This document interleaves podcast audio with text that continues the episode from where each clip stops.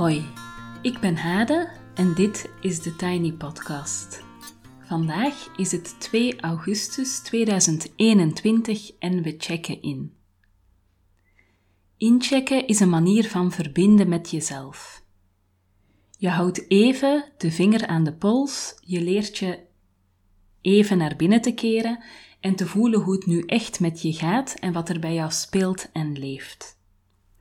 Dat kan heel verhelderend zijn en als ik het schrijvend doe, brengt het me ook heel veel rust. Het is een manier van bewustzijn, bewust worden van jezelf en ook rustig worden door het schrijven. Ik geloof dat dat inchecken niet alleen uh, een manier is van een beetje met jezelf bezig zijn, maar dat het ook een manier is van in actie komen, uh, andere keuzes maken, uh, eventueel veranderingen aangaan die nodig zijn.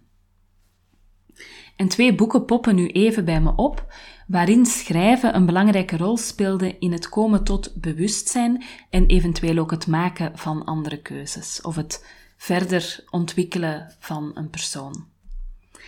Zo is er het boek Nooit meer liegen van Judy Kettler, waarin de auteur eigenlijk via een genadeloos zelfonderzoek, via het schrijven uh, of journalen, onderzoekt hoe eerlijk ze is en de moeilijke weg inslaat naar meer uh, oprecht en authentiek leven.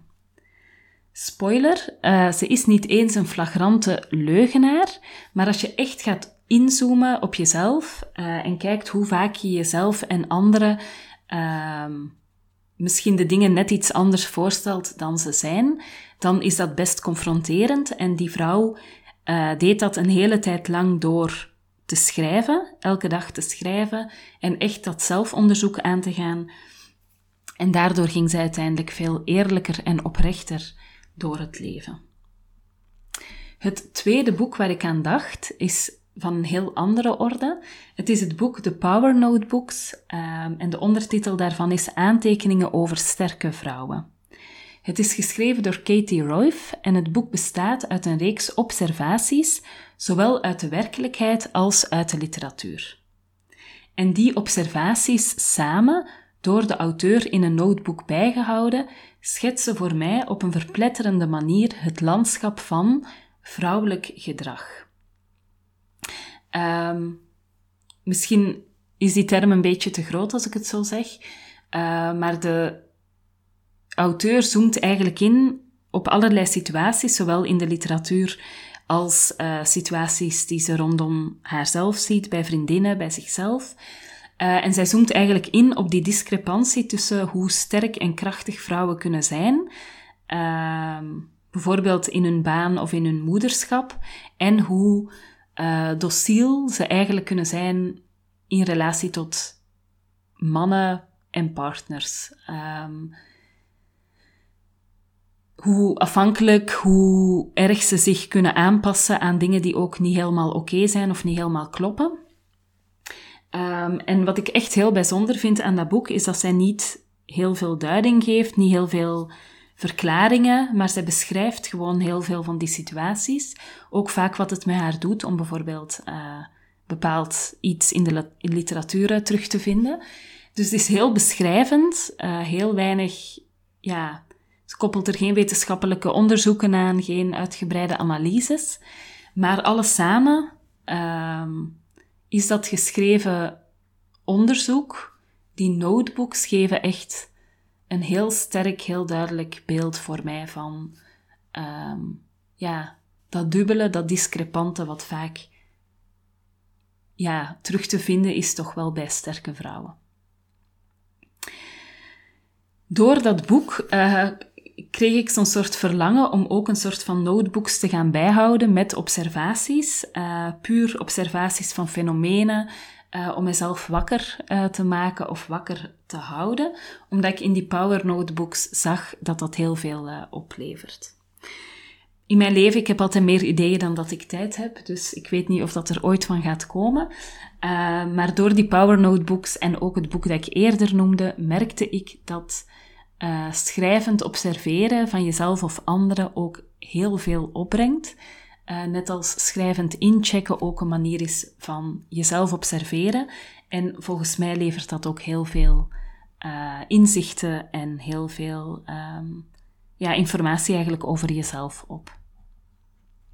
Schrijven is dus een belangrijke weg naar binnen, of misschien een weg om de inzichten en wijsheid die ergens onder water zitten boven te halen. Ik nodig je dus uit om eventueel schrijvend in te checken aan de hand van twee vragen die ik nu ga stellen. Um, ik ben dan vervolgens een minuutje stil. Je kan de podcast op pauze zetten om de tijd te nemen en de ruimte om in te checken aan de hand van die vragen. En na die stilte check ik ook even bij jullie in. Schrijven, hoewel ik er hier een uh, warm pleidooi voor voel, is natuurlijk uh, voer, sorry, natuurlijk geen must. Je kan ook gewoon even in je hoofd inchecken. Je kan een beetje mijmeren naar aanleiding van de vragen. Je kan tekenen, je kan steekwoorden opschrijven. Uh, maar je kan ook met andere mensen een kopje koffie drinken en het erover hebben. Dus check maar in op een manier die bij jou past. De vragen voor vandaag zijn: de eerste, hoe kan je vandaag goed voor jezelf zorgen? Dus hoe kan je specifiek vandaag goed voor jezelf zorgen? En de tweede, wat kan jij doen om de dag voor iemand anders beter te maken? Dus de eerste vraag, wat kan je vandaag doen om goed voor jezelf te zorgen?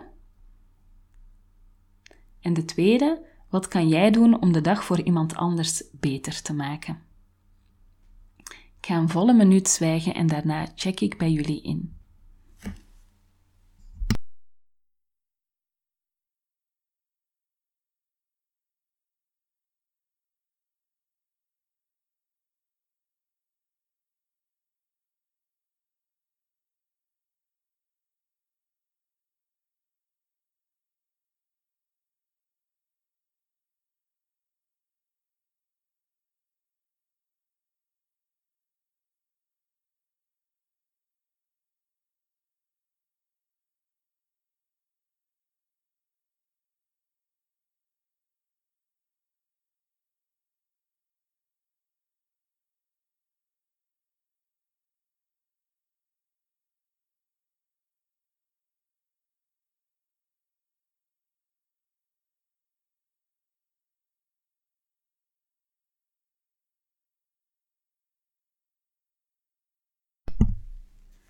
Voilà, ik check even bij jullie in. De afgelopen weken heb ik heel vaak ochtends een check-in gedaan, soms samen met iemand anders en soms alleen. De vraag hoe ik vandaag goed voor mezelf kan zorgen, is meestal de enige vraag die ik nodig heb om tot een bepaalde kern te komen. Dus eigenlijk denk ik, uh, als je af en toe incheckt bij jezelf, dan is alleen die vraag onthouden of ergens opschrijven in een boekje en er regelmatig bijnemen is een heel goede vraag.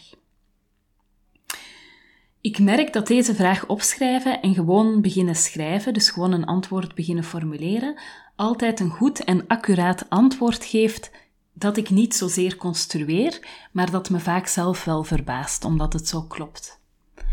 Als ik naar vandaag kijk, dan merk ik dat ik vooral diep werk nodig heb.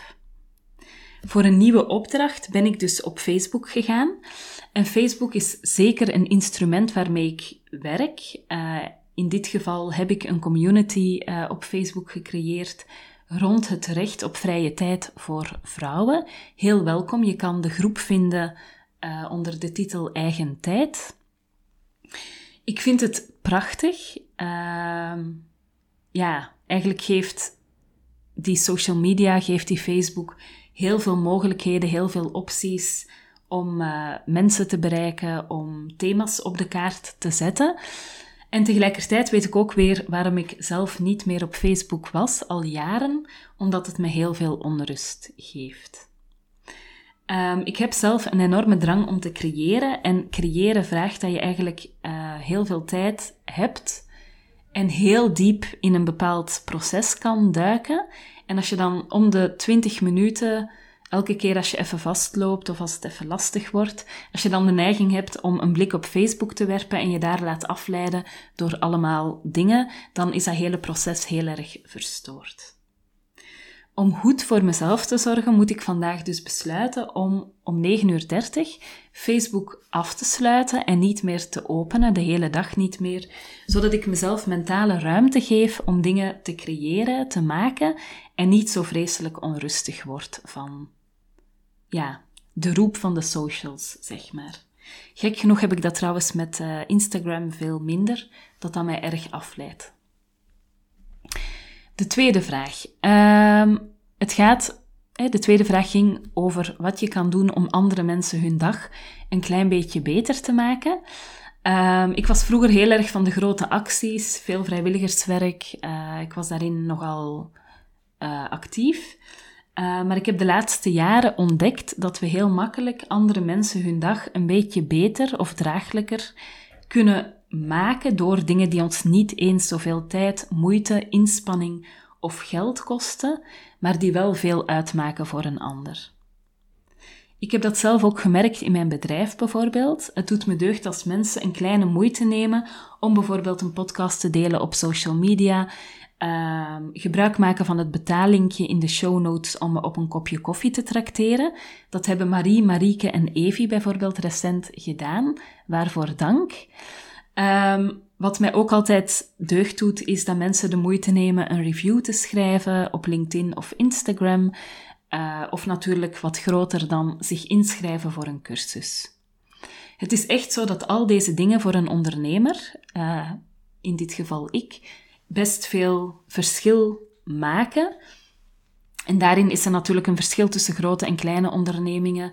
Um, denk als je in een HEMA of een H&M een t-shirtje koopt dat dan minder doorweegt in het grote geheel dan als je dat koopt bij iemand die uh, een eigen bedrijf heeft.